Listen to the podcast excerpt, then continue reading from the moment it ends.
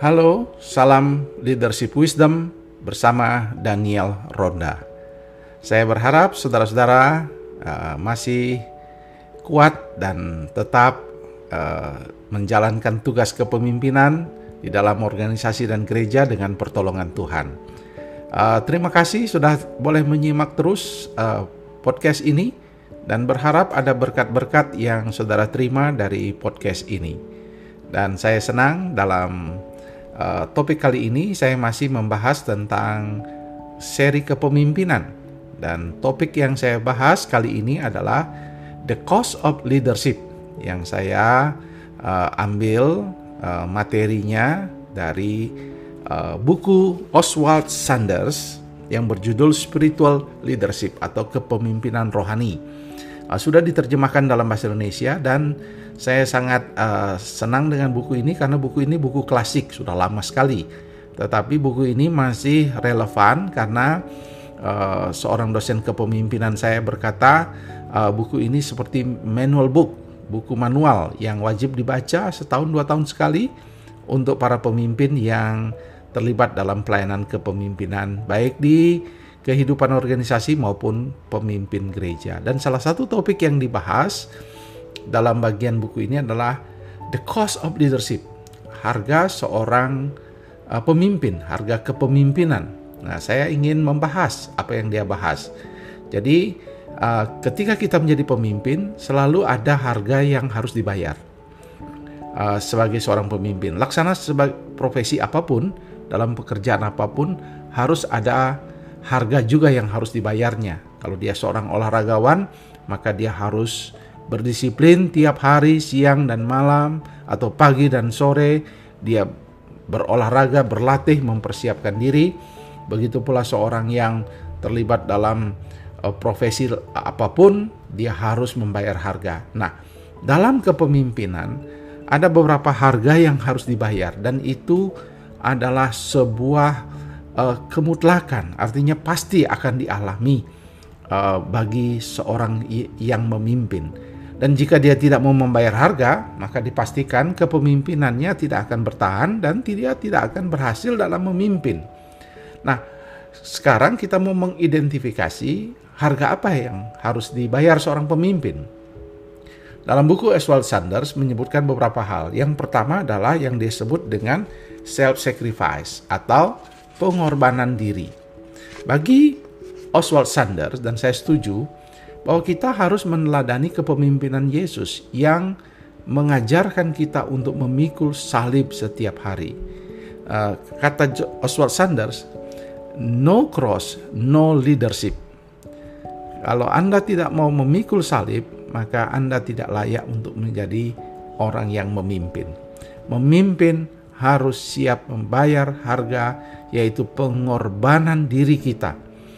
Dan Tentunya bersama dengan Yesus kita meneladani pengorbanan Kristus dalam hal kita mengorbankan waktu kita, tenaga kita, bahkan juga uh, kesehatan kita barangkali. Tetapi nanti ada teknik untuk menjaga semua itu, tetapi kita harus siap membayar harga dalam kepemimpinan kita. Dan kita harus berkorban seperti Yesus berkorban dalam memimpin. Itu yang pertama, pengorbanan. Siap mengorbankan segala yang ada pada kita untuk kepemimpinan. Yang kedua, harga yang harus dibayar seorang pemimpin adalah kesepian, loneliness kata uh, Oswald Sanders. Uh, memang ketika kita menjadi pemimpin dan pengalaman saya menjadi pemimpin puluhan tahun baik di organisasi uh, sekolah teologi maupun sekarang di gereja saya mengalami apa yang disebut loneliness kesepian. Karena apa? Bawahan kita staf kita begitu kita ketemu dia tidak mau bicara. Karena memang kita memaklumi dia menganggap kita atasan dan kita tidak bisa bermain berkata-kata seperti kita. Nah kita juga harus menerima fakta itu, sehingga kita mungkin perlu uh, menciptakan suasana yang akrab, tetapi tetap kita harus mengerti bahwa mereka tidak bisa terbuka secara terbuka sekali karena kita adalah seorang pemimpin. Jadi, harga yang harus dibayar adalah loneliness, kesepian akibat daripada jarak yang harus yang terjadi akibat kita memimpin dan orang yang dipimpin. Dan itu sesuatu yang patut kita terima. Dan tentu ada cara nanti dalam bagian seri kepemimpinan lain bagaimana kita mengatasi rasa kesepian ini. Tetapi kita harus mengerti ini harga yang harus dibayar. Yang ketiga adalah fatigue atau kelelahan. Nah, bagi seorang pemimpin, prinsip kepemimpinan haruslah kerja keras. Orang seorang yang mengatakan dirinya pemimpin tidak boleh santai dia tidak boleh bekerja asal-asalan. Dia tidak boleh bekerja sedang-sedang. Di siang dan malam waktunya dipikirkan bagaimana dia mengembangkan pelayanan dan organisasinya.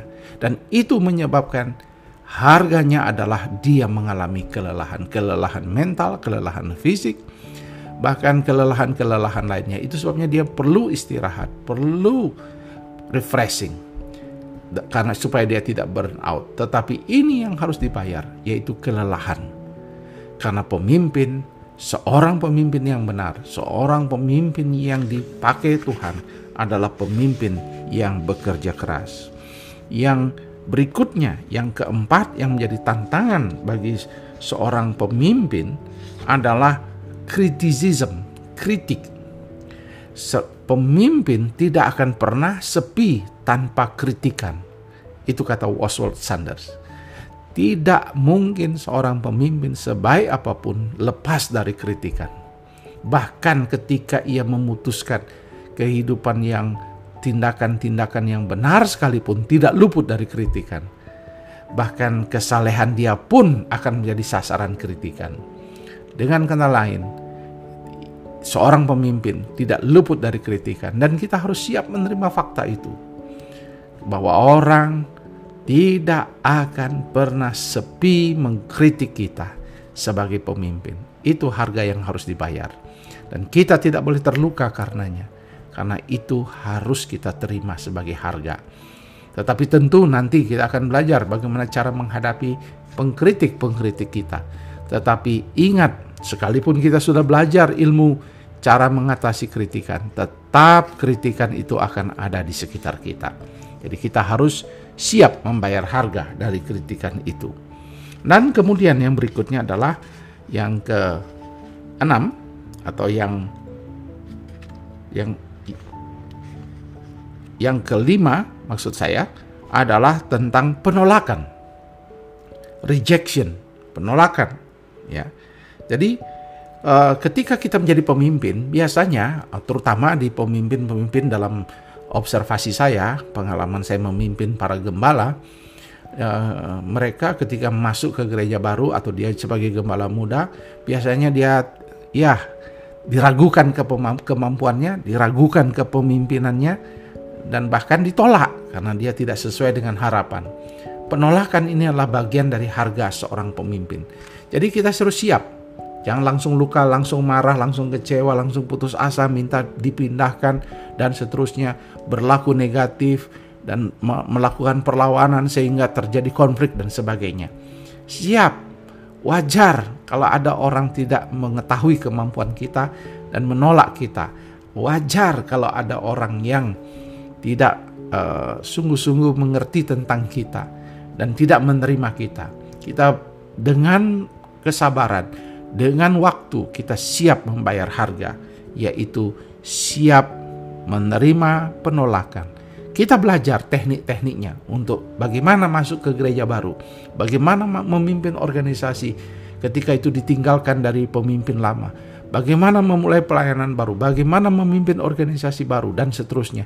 Kita akan belajar, tetapi penolakan selalu akan ada. Selalu akan ada orang menolak kepemimpinan kita dan itu harus kita bayar. Jangan biarkan diri kita terluka. Terima itu sebagai harga. Kita berjuang memperbaikinya, tetapi uh, kita harus aware atau sadar bahwa itu akan terjadi. Dan yang terakhir adalah pressure kata Oswald Sanders. Apa itu pressure? Tekanan. Nah, kalau ketika gereja atau kita mengembalakan gereja kita semakin bertumbuh, organisasi semakin berkembang, maka pressure atau tekanan akan semakin besar. Nah, apakah kita tidak mau bertumbuh? Ya tentu tetap ada tekanan. Tekanan juga besar. Tetapi semakin bertumbuh, tekanan semakin besar. Misalnya staf bertumbuh, berarti tanggung jawab semakin besar untuk menciptakan uh, persembahan kasih buat mereka. Atau ketika pekerjaan semakin melebar, tentu membutuhkan tata kelola organisasi yang lebih kompleks lagi. Pressure-nya berat, tekanannya berat. Tetapi ketika kita tidak berbuat apa-apa pun, pressure-nya juga berat. Karena tidak ada apa yang terjadi dalam organisasi kita.